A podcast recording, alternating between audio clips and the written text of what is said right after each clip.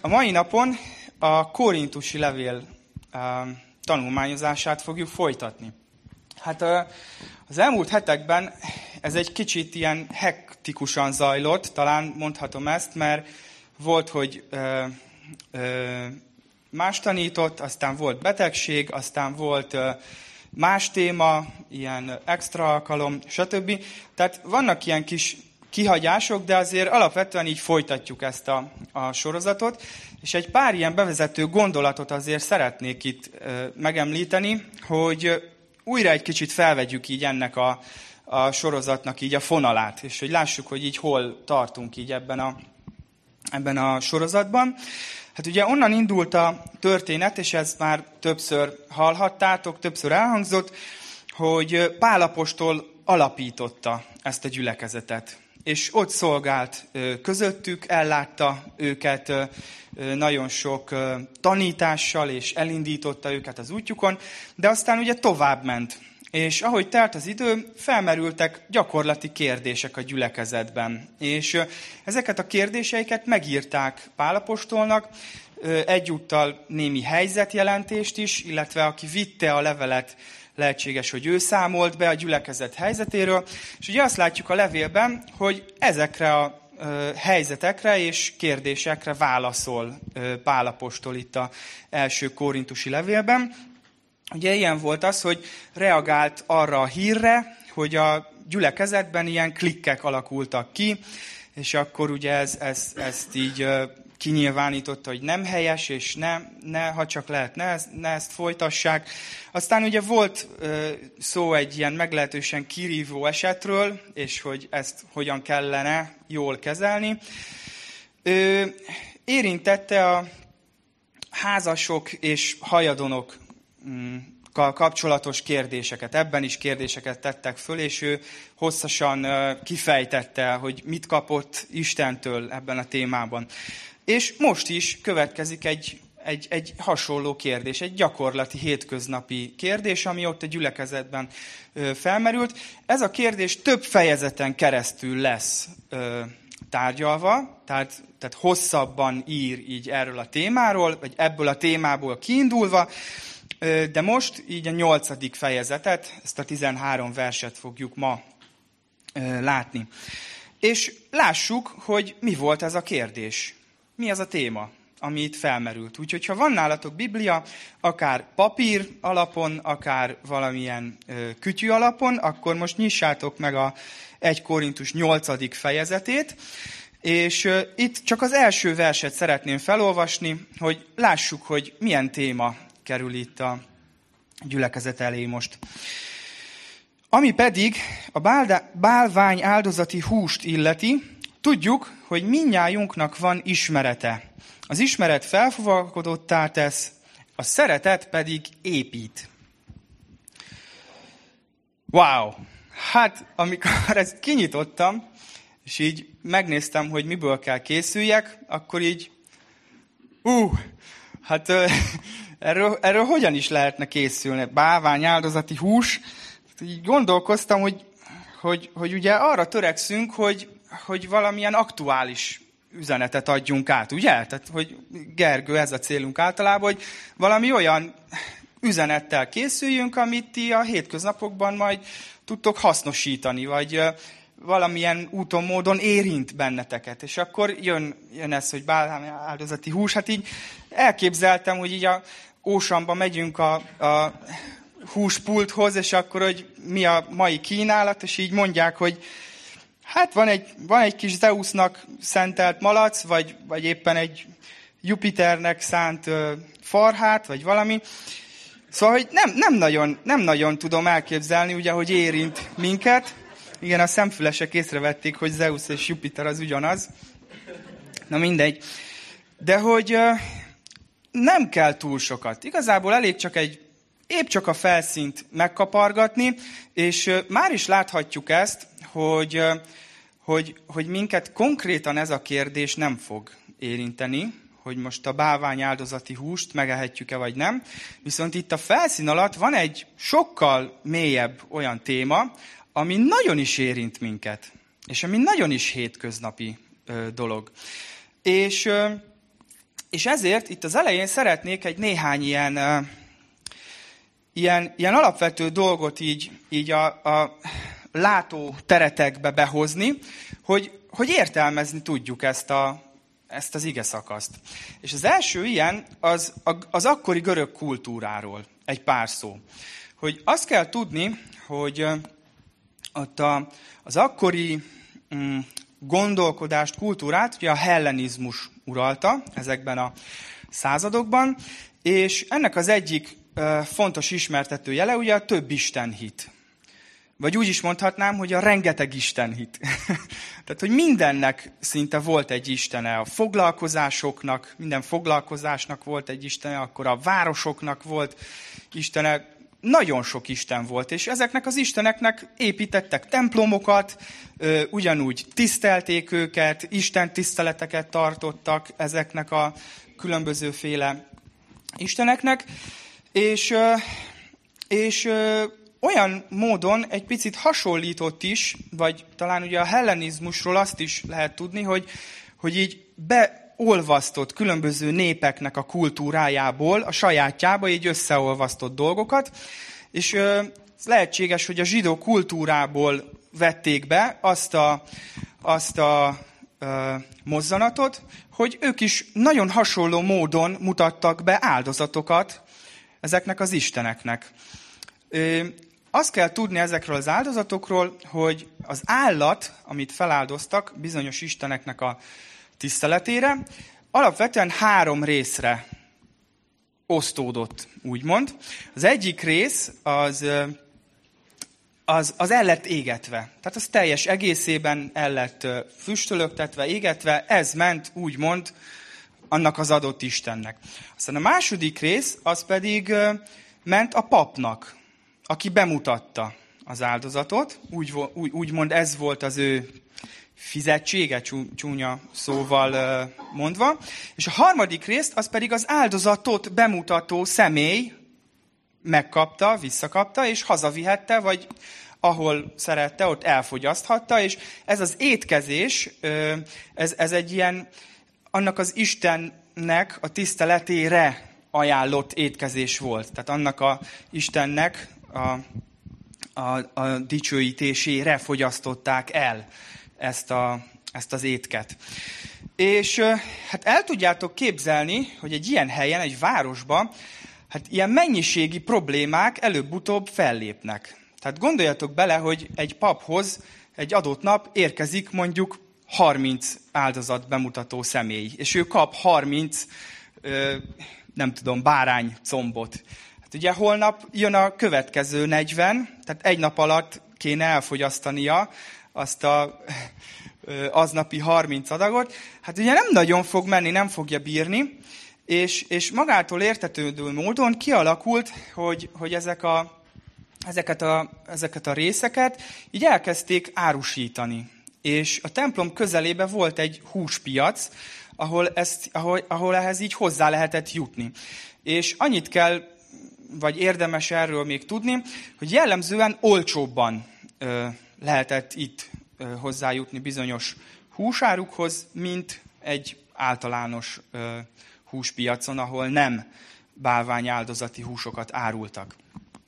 Na most, egy ilyen kulturális közegből tértek meg a korintusi hívek. És ez volt az a kulturális közeg, amiben a mindennapjaikat élték. És előbb-utóbb felmerültek kérdések. Legalább három kérdést látunk, ami felmerült itt a korintusi hívekbe. Az egyik, hogy vehetek-e ezen a bizonyos húspiacon innen húst, és elfogyaszthatom-e? Mint keresztény ember, ugye ezek az állatok pogányisteneknek lettek áldozva, most akkor mi van? Megvehetem azon a piacon? Megehetem? Elfogyaszthatom? A másik, hogy például felmerül a kérdés, hogy elvihetem-e a feleségemet egy olyan étterembe, ahol alapvetően egy ilyen pogány ö, tulajdonos van, úgymond, és ilyen ö, pogány isteneknek ö, áldozott húst szolgálnak föl a menüben bemehetek-e ilyen étterembe? Ez egy teljesen hétköznapi kérdés az, az akkori életükből a korintusi hívőknek. És legalább még egy kérdést látunk az igében, ami szintén felmerült, ez majd később a tizedik fejezet körül fog előbukkanni, hogyha mondjuk vendégségbe meghív a munkatársam, aki nem hívő, én, mint hívő, elmegyek hozzá, és tudom, hogy ő ilyen húst fog az asztalra tenni, akkor, akkor hogy viselkedjek, mit, mit tegyek. Na, és hát akkor most a mai kultúráról. Tehát láthatjátok, hogy ezek a kérdések nem túl izgalmasak számunkra. Ugye? Tehát, hogy irreleváns. Nem találkozunk ezzel a problémával. Viszont, viszont minden korban vannak olyan kérdések, amiket én úgy szeretnék most itt nektek említeni, és így az egész tanítás során így fogok rá utalni, hogy ilyen szürke zónában lévő kérdések. Ugye egyértelmű útmutatást kapunk a Bibliából bizonyos kérdésekben. Alapvető, fontos kérdésekben, Isten személyével kapcsolatos kérdésekben. Ott nincsenek ö, ilyen felmerülő kérdések, mert teljesen egyértelmű az ige ö, útmutatása és az igének a, a, a szövege. De vannak olyan kérdések, amiket, ha így elkezdünk kutatni, nem biztos, hogy fogunk találni ilyen fekete-fehér választ a Bibliában. És ezek a mai korban minket is érintő kérdések, bennünk is felmerülő kérdések. És rengeteg példát lehetne itt mondani, és én nagyon sokat agyaltam, hogy, hogy miket mondjak ahhoz, hogy jót mondjak. Tehát, hogy ami tényleg, tényleg érint benneteket. De és remélem, hogy jót mondok most, de például lehet ilyen kérdés az, hogy, hogy én, mint keresztény ember, például fogyaszthatok-e alkoholt? Vagy én, mint keresztény ember, rakhatok-e tetoválást a testemre? Nem tudom, hogy ez jó kérdése, bárkit, hogy érinte. Régebben felmerült ilyen kérdés, amikor így bejöttek a, főleg így a farmer nadrágok, illetve ez a típusú viselet, ami manapság tök hétköznapi, de akkoriban a gyülekezetekben ö, felmerült az a kérdés, hogy a nők viselhetnek-e ö, ilyen nad, farmer nadrágot, vagy úgy általában nadrágot. És ugye érzitek azt, hogy, hogy, hogy ezek nem olyan kérdések, amik, amikről így egyértelműen látjuk a Bibliában, hogy most bűn vagy nem bűn. Ezt kéne eldönteni. Most, most, mert ha bűn, akkor nem. De ha, ha meg nem bűn, akkor meg lehet, nem? Vagy, tehát, hogy, hogy értitek, hogy kéne ezt eldönteni? És, és egy rövid zárójel erejéig itt szeretném azért megemlíteni azt, hogy, hogy és ezért is gondolkoztam rengeteget, hogy milyen példákat említsek. Mert vannak olyan kérdések, amik viszont, amikben nincsen, nincs hezitálási lehetőség, hogy igen vagy nem, vagy szabad vagy igen, vagy bűn vagy, ö, bűn vagy nem. És ezt a két kérdés csoportot el kell, hogy válasszuk egymástól. És hogyha felmerül benned egy kérdés, akkor az első, amit tisztázni kell, az az, hogy ez most egy üdvkérdés, vagy nem üdvkérdés. Mert hogyha üdvkérdés, akkor abban a Biblia exakt és pontos választ ad. Ha viszont nem, akkor van lehetőség arra, hogy, hogy felmérjük, hogy jó, akkor hogyan, hogyan döntsünk. És nem szabad, hogy üdvkérdést lealacsonyítsunk ö, i, ilyen szintre, hogy most akkor eldönt, eldöntsük, hogy szabad vagy nem szabad. És fordítva, ilyen kérdést, ami nem üdvkérdés, nem szabad fölemelni az üdvkérdések szintjére, és nem szabad ö, olyan, ö, olyan viselkedéssel lenni, hogy ö, mondjuk teszem azt, oda megyek egy, ö, egy tesóhoz, és azt mondom neki, hogy, hogy figyelj, ha nem változtatsz, akkor biztos, hogy pokolra fogsz jutni, mert én múltkor láttam a kocsiból, hogy a busz megállóban álltál, és elszívtál egy szál cigit. Mondjuk. Most ez csak egy példa. De lehetne tök sok más példát mondani. Fiatalokon gondolkodtam, most, most már eljött ez az idő, hogy így gondolkodnom kell, hogy a fiatalokat vajon mi foglalkoztatja. Tehát, hogy régen ez úgy volt, hogy így, így magamban néztem, hogy engem mi, mi foglalkoztat, és akkor ugye rájöttem, hogy, hogy a fiataloknak mi. De hogy most már így gondolkoznom kellett, és, és tökre lehet, hogy így, így srácokban vagy, vagy lányokban felmerül, hogy felteszik a kérdést, hogy most Isten vajon mit fog szólni hozzá, hogyha regisztrálok, regisztrálok a Tinderen például. Vagy most, most az bűn, vagy nem bűn? Vagy hallgathatok-e világi zenét? Az osztálytársaim szeretik a, nem tudom, mik a népszerű, well, well hello-t, vagy mit tudom én. Nem? Akkor mondjatok más, mindegy. Én azt hallgathatom-e? Vagy ö, ö, nézik a sorozatokat, és megnézhetem-e a trónok harcát? Vagy, ö, vagy fiúk, lehet, hogy felmerül, lehet, hogy fel sem merül a kérdés, de lehet, hogy valakiben felmerül, hogy mondjuk játszhatok-e a Call of Duty-val. Ugye a jó kis lövöldözős játékról van szó.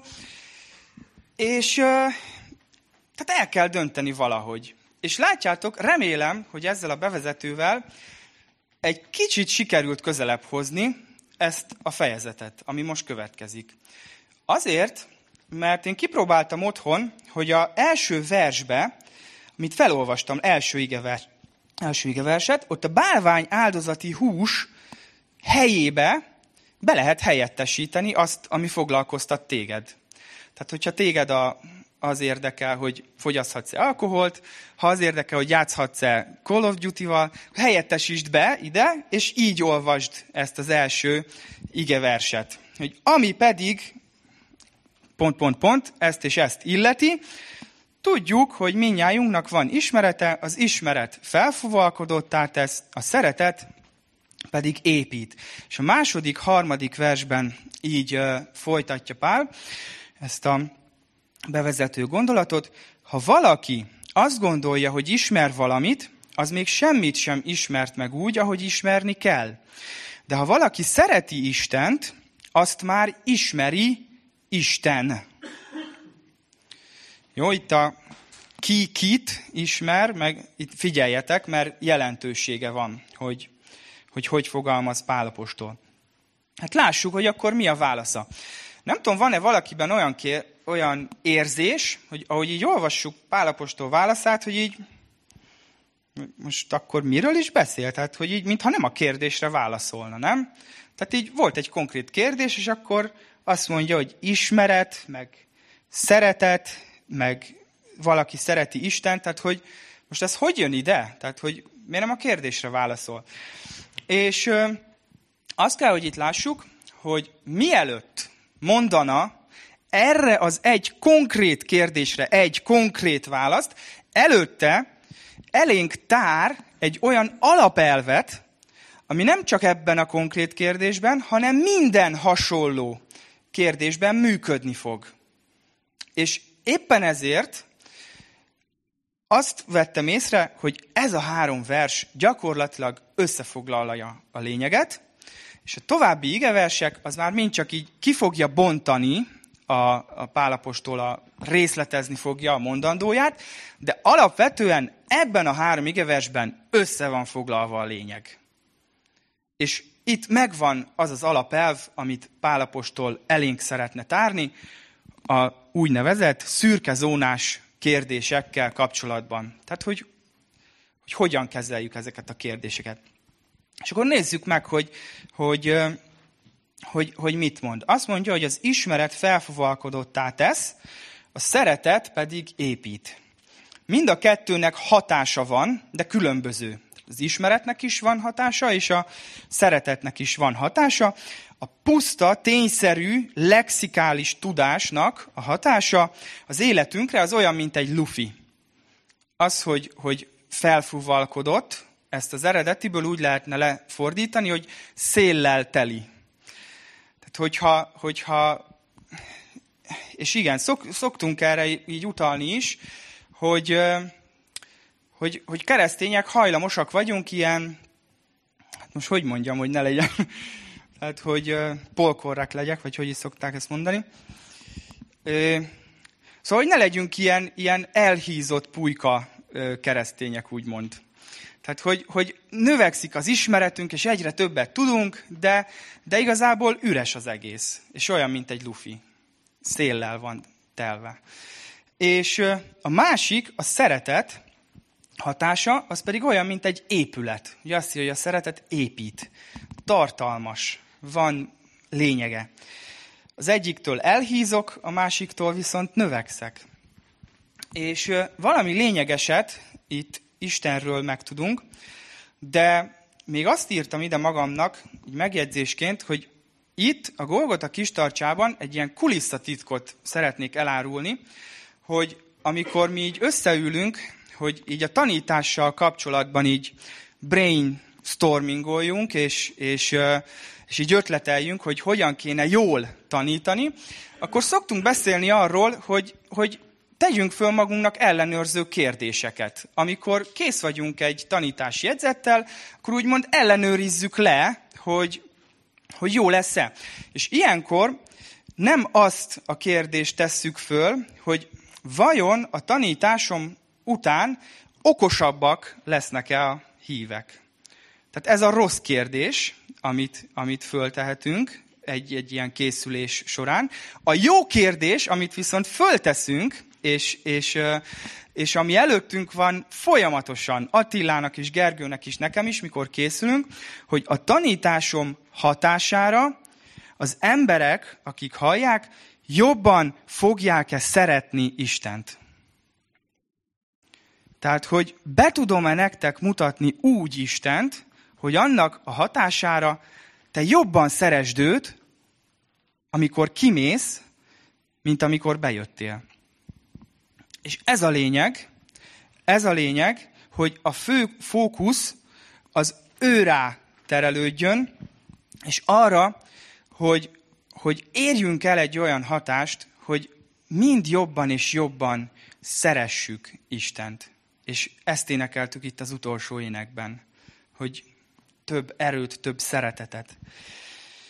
És uh, érdekes megfigyelni, hogy a kettő közül melyikre mondja Isten azt, hogy ő ismeri. Tehát arra, akinek van lexikális tudása Istenről, vagy arról, aki szereti Istent. Melyikre mondja Isten azt, hogy én ismerlek téged? Hát arra, aki szereti Istent. És ez egy nagyon érdekes, hogy úgy látszik, hogy ez, ez így, ez így, ez egy ilyen fontos téma Istennek, mert szeretném elétek hozni a Jézusnak és Péternek a történetét, amikor letelik a három év. Ott van három év szuperintenzív tanítványsági képzésen, tehát ilyen éjjel-nappali 0-24-es 7 per 7 nap képzésen, három éven keresztül Péter, és akkor Jézus éppen távozni készül, és a tengernek a partján felteszi a vizsgakérdést. Ugye három év anyagából szigorlatozik Péter. És lássuk, hogy mi a vizsga kérdése. A vizsga biztos melyik kérdést teszi fel. Azt kérdezi Jézus, hogy sorolt fel a hívő keresztény öt legfontosabb ismertető jelét. Nem. Vagy hogy Péter esetleg egy ilyen eszé formájában ki tudnád de nekem fejteni, hogy mit tanítottam neked az imáról? Ö, nem, nem ezt kérdezi, hanem azt kérdezi, hogy Péter, szeretsz?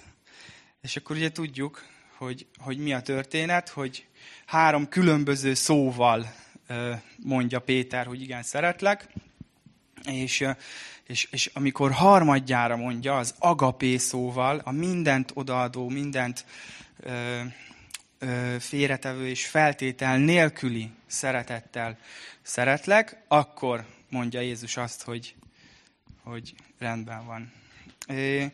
Úgyhogy, úgyhogy azt látjuk, és, és, és ez még elő fog kerülni még egyszer ma, hogy, hogy azt látjuk, hogy ez Istennek fontos, valamiért ez a téma.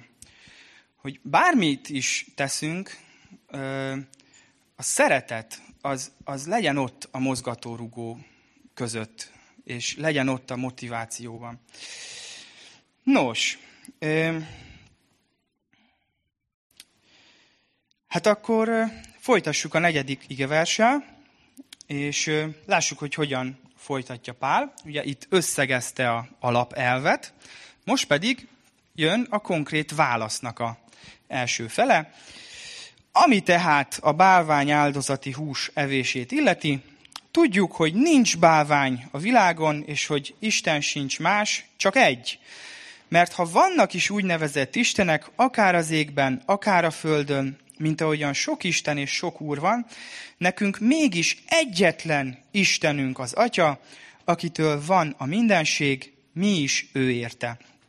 És egyetlen Urunk, Jézus Krisztus, aki által van a mindenség, mi is ő általa.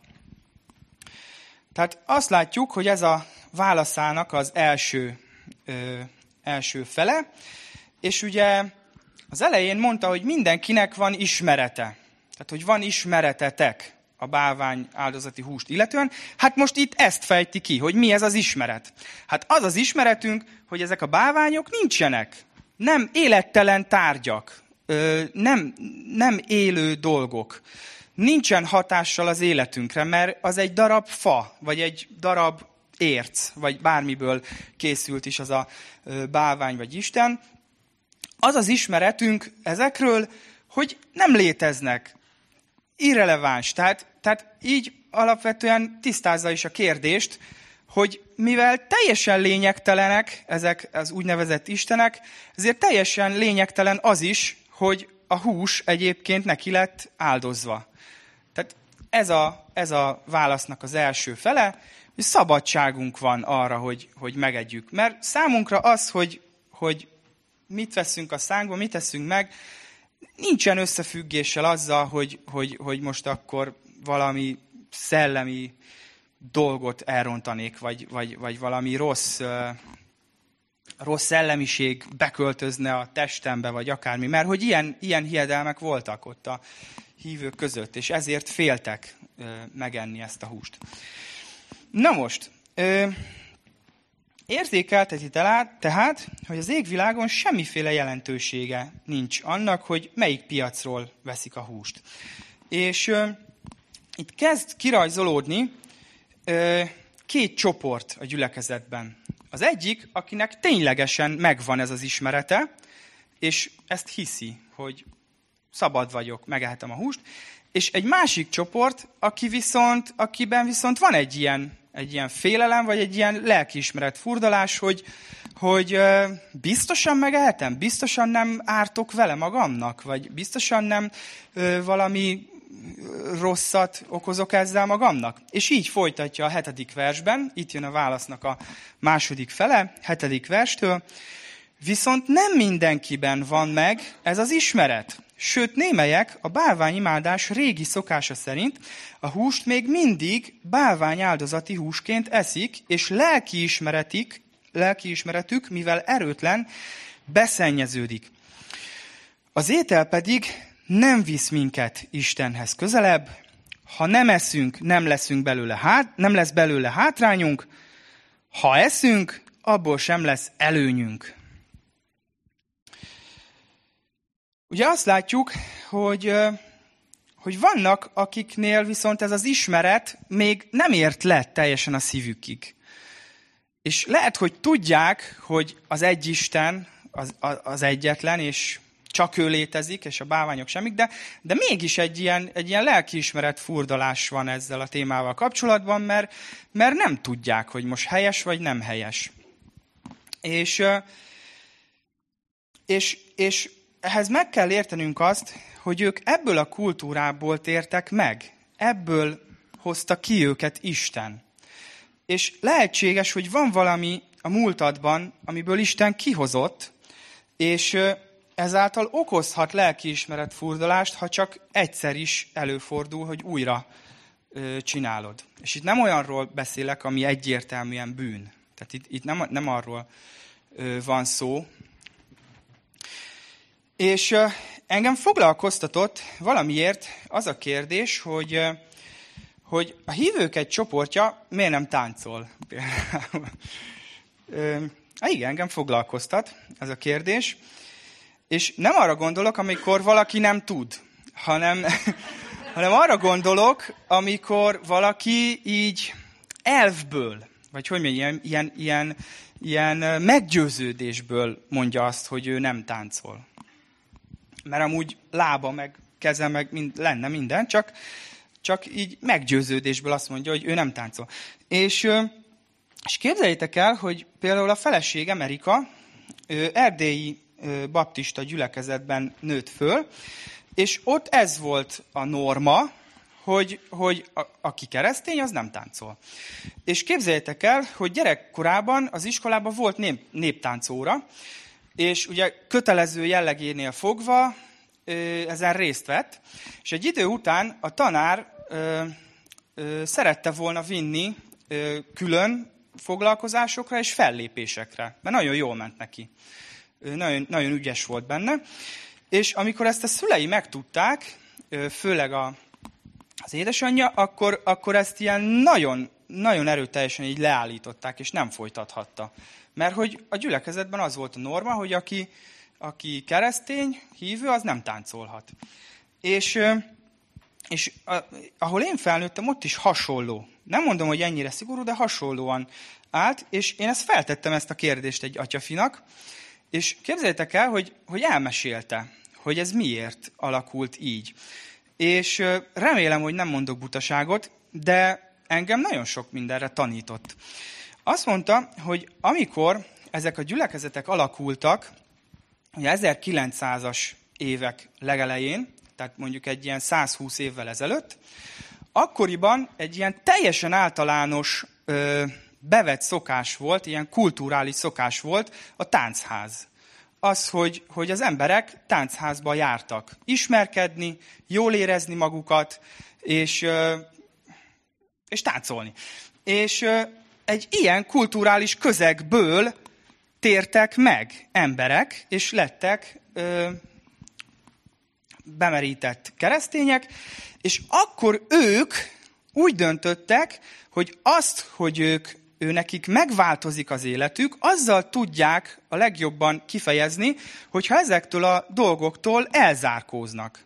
És ezzel úgymond ők kifejezik azt, hogy, hogy ők már nem tartoznak a, a világhoz, és nem tartják ezeket a világi szokásokat, hanem elzárkoznak tőle, mert ők, ők, ők őket már Isten megváltoztatta, stb.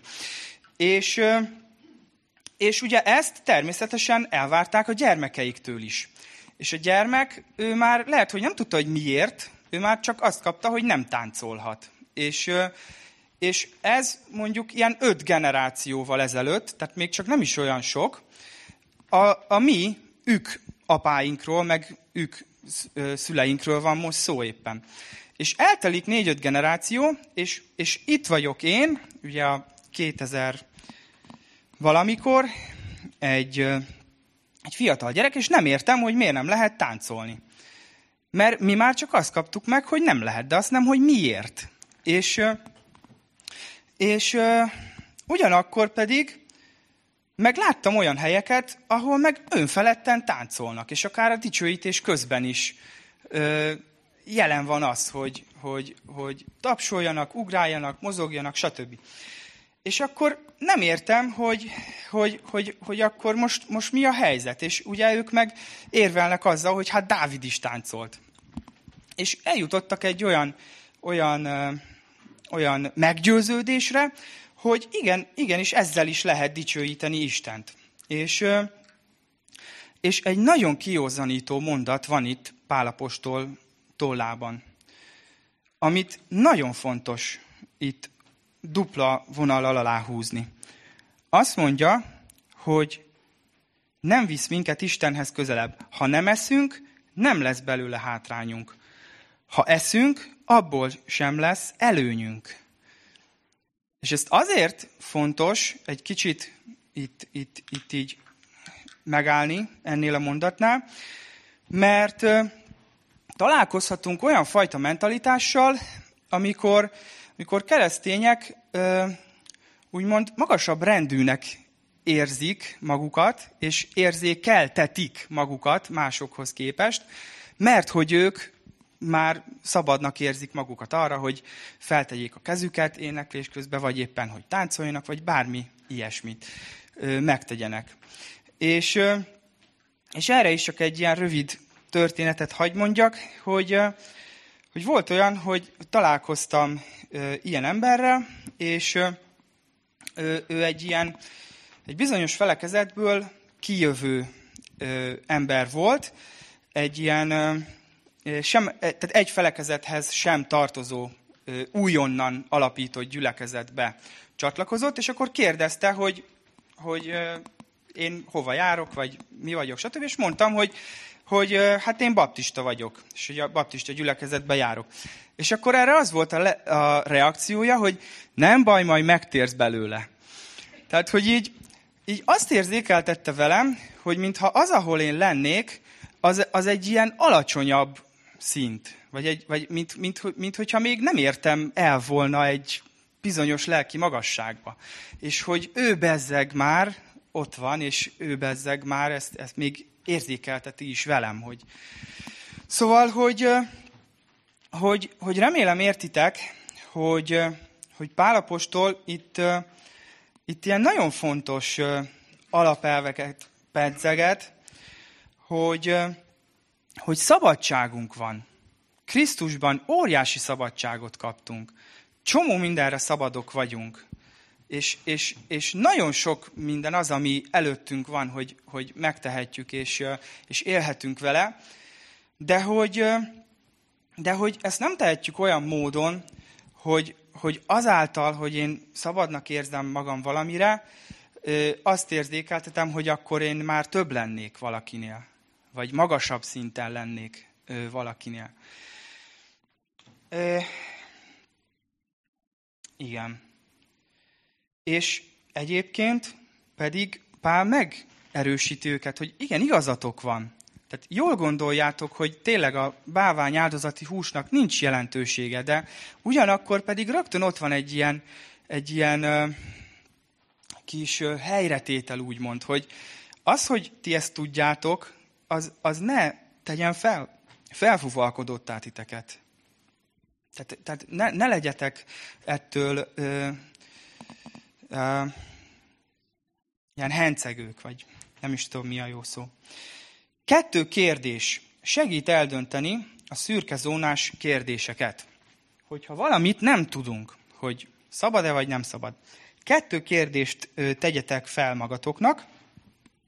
Az egyik, hogy hasznos-e, építő. Az 1 Korintus 10.23, tehát majd két fejezettel később, azt írja Pálapostól, minden szabad, de nem minden használ. Minden szabad, de nem minden épít. Ne keresse senki a maga javát, hanem a másét. Felteszem a kérdést, hogy jó, előnyömre válik, hasznomra lesz, építi a lelkemet.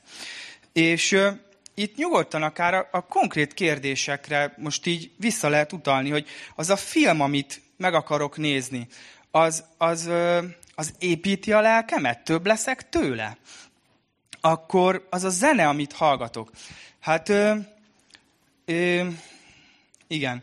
Szóval a munkahelyen, így a munkatársaim hatására van lehetőségem ö, belekostolni néha ilyen mm, hogy is mondjam, tehát elég keményen ilyen depresszív hatású zenékbe.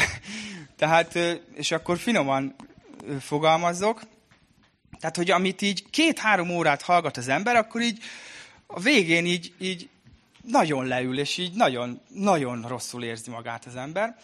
És hogy ezt így fel lehet tenni, ezt a kérdést, hogyha foglalkoztat, hogy hallgassak-e ilyen zenét, hogy, hogy építi a lelkedet?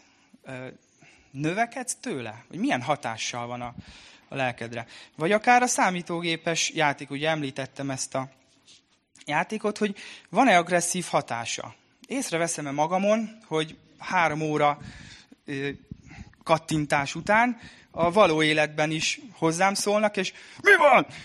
Tehát, hogy, mert hogy akkor az lehet, hogy De lehet, hogy nem. Tehát, hogy fel kell tenni ezt a kérdést, és, és meg kell vizsgálni. És szürke zóna, tehát, tehát szabadságunk van. A másik kérdés, rabjává válok-e, ha megteszem? Szintén a korintusi levélben fogjuk majd olvasni. Minden szabad nekem, de nem válok semminek a rabjává.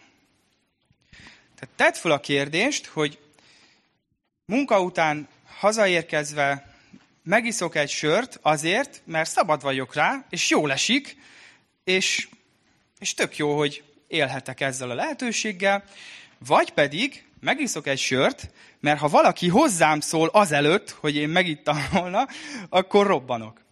Tehát, hogy ugyanez kávéval is eljátszható reggel, hogy hozzád szólhat valaki a reggeli kávé előtt, vagy nem.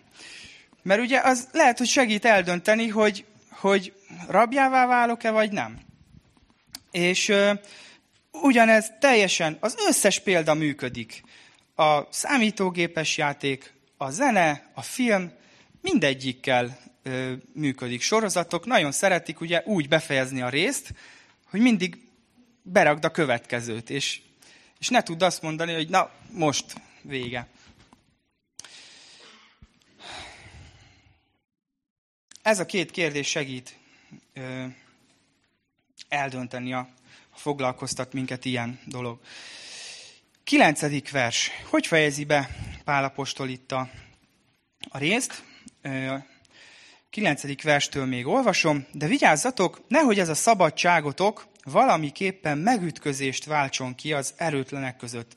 Mert ha valaki látja, hogy te, akinek ismereted van, a bálványtemplom asztalánál ülsz, vajon nem fog-e erőtlen lelki ismerete felbátorodni arra, hogy ő is megegye a bálványáldozati húst? És így ismereteddel vesztét okozod erőtlen testvérednek, akiért Krisztus meghalt. Így, amikor a testvérek ellen védkeztek, és erőtlen lelki ismeretüket megsértitek, Krisztus ellen védkeztek. Látótér tágítás következik. Odáig nagyon könnyű eljutni, hogy szabad vagyok megtenni a bizonyos dolgokat, Krisztusban szabadságra vagyunk elhívva. És azt kell, hogy mondjam, hogy igazából a görög kultúrát pontosan ez a szabadság jellemezte. Azt csinálok, amit akarok, oda megyek, ahova akarok, ebben nincsen senkinek beleszólási joga, nem ítélhet el azért, mert ide vagy oda megyek, ezt vagy azt csinálom. És igazából ez teljesen ugyanez a mai korban is. És a mai körben pedig kifejezetten ö, ö, nagyon erős jellemzője az, hogy az én központúság. Hogy én nekem jogom van ehhez, nekem ez jár. Ugye, hát folyamatosan halljuk ezt a reklámokból, hogy törődj magaddal, meg hogy, hogy is van a másik, hogy mert megérdemled, meg stb. Ezek a szlogenek, ezek mindezt erősítik, hogy, hogy én, én, én. És Pál Apostol itt látótér tágításra hív minket, és azt mondja, hogy a keresztény szabadság az ennél sokkal több. Tehát nem pusztán magamról van szó, hanem az az óriási szabadság, amit kaptam Istentől, úgymond jogom van ahhoz, hogy, hogy figyelembe vegyek a döntésemkor nem csak saját magamat, hanem körülöttem lévőket is. És azt is megvizsgáljam, nem, nem csak azt, hogy én nekem jó-e, én nekem milyen hatása van, hanem hogy aki lát engem, az ő életébe milyen hatása van. És ő neki mit érek el nála, ha megteszem, vagy ha nem teszem meg. Igen, és ezt mondja Pálapostól a legutolsó versben, amit itt felolvasok. Ezért tehát, ha az étel megbotránkoztatja testvéremet, inkább nem eszem húst soha, hogy őt meg ne botránkoztassam. Szabad vagyok bármilyen húst enni, de ha ezzel ártok a testvéremnek, akkor inkább nem teszem. És ugyanez igaz az összes behelyettesített további példával. Lekorlátozom saját magamat. És ez durva, amikor ebbe belegondolok. Hogy ez keresztényként is nagyon erősen jellemző ránk, hogy, hogy nehogy már nekem valaki megmondja, hogy én mit, ne csinál, mit nem csinálhatok, vagy mit ne csináljak. És hogy ez annyira jellemző ránk, hogy hát a másik az ne ítélkezzen felettem, és igaz. Igaz, ez, ez egy másik téma, és igaz is. De arra hív Pálapostól minket, és arra hív a Biblia, hogy amikor döntéseket hozunk, és teszünk, vagy nem teszünk dolgokat, mondunk, vagy nem mondunk dolgokat, akkor legyünk tekintettel másokra is, és ne csak saját magunkra. Ne ilyen önző módon csak a saját hasznunkat nézzük, hanem lássuk a körülöttünk lévőkét is. Igen. És gondoljatok bele, hogy szintén egy pár fejezettel később fog majd előnkerülni a szeretet himnusz. Hogy miért mondta az elején Pál a szeretetet? Miért hozta be? Hogy szabadságunk van, de a szeretet az legyen a mozgatórugó. Ugye, ha emlékeztek, azt mondja, hogy a szeretet, ott ahogy felsorolja, mondja, hogy, hogy a szeretet nem kérkedik, nem fuvalkodik fel, nem keresi a maga hasznát. És, és rá szeretnék mutatni valakire, aki pontosan ezt tette, hogy nem a maga hasznát kereste. Nem azt nézte, hogy neki mi lenne a jó, vagy az, ami neki járna, úgymond jogosan, hanem ehelyett a mi hasznunkat nézte, és a mi, mi javunk szerint tett dolgot. Ez pedig a Filippi levélből olvasom, Jézusról írja, Semmit ne tegyetek önzésből, se hiú dicsőségvágyból, hanem alázattal különnek tartsátok egymást magatoknál, és senki se a maga hasznát nézze, hanem mindenki a másokét is. Az az indulat legyen bennetek, amely Krisztus Jézusban is megvolt, aki Isten formájában lévén nem tekintette zsákmánynak, hogy egyenlő Istennel, hanem megüresítette önmagát, szolgai formát vett fel, emberekhez hasonlóvá lett, és emberként élt, megalázta magát, és engedelmes volt mind halálig, mégpedig a kereszt halálig. Úrvacsorázni fogunk nem sokára, és dicsőítők lassan jöhettek a hangszerekhez, és, és ez nem más, mint egy emlékezés. Jézus azt mondta, hogy vegyétek ezt, és emlékezzetek rám, amikor, amikor ezt veszitek. És hogyha az a kérdésed keresztényként, hogy ezt vajon szabad megtennem, vagy az vajon bűnisten szemében? Ha folyamatosan így a határaimat keresgélem, a határaimat feszegetem, akkor hogy, hogy mi az, ami még úgymond belefér? Mi az, ami, ami még úgy elmegy kategória és, és, meg, és szabad? Akkor, akkor a fókuszod nem jó helyen van. Ugyanis Pálapostól, és én is most arra szeretném a fókuszunkat uh, terelni, hogy ahelyett, hogy, hogy, hogy elkezdjük kutatni, hogy mit szabad, mit nem, ahelyett inkább figyeljünk arra, és fókuszáljunk arra, hogy mi az, amit megtehetek Krisztusért. Ő is ugyanezt tette. Mi az, amit megtehetek az embertársamért, a tesómért. És ő is ezt nézte.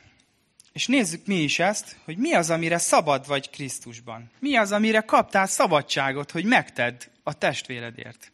Mi az, amire kaptál szabadságot, hogy, meg, hogy megtedd ő érte. Szabad vagyok arra, hogy ne csak a saját hasznomat keressem, hanem valaki más hasznáért tegyek valamit.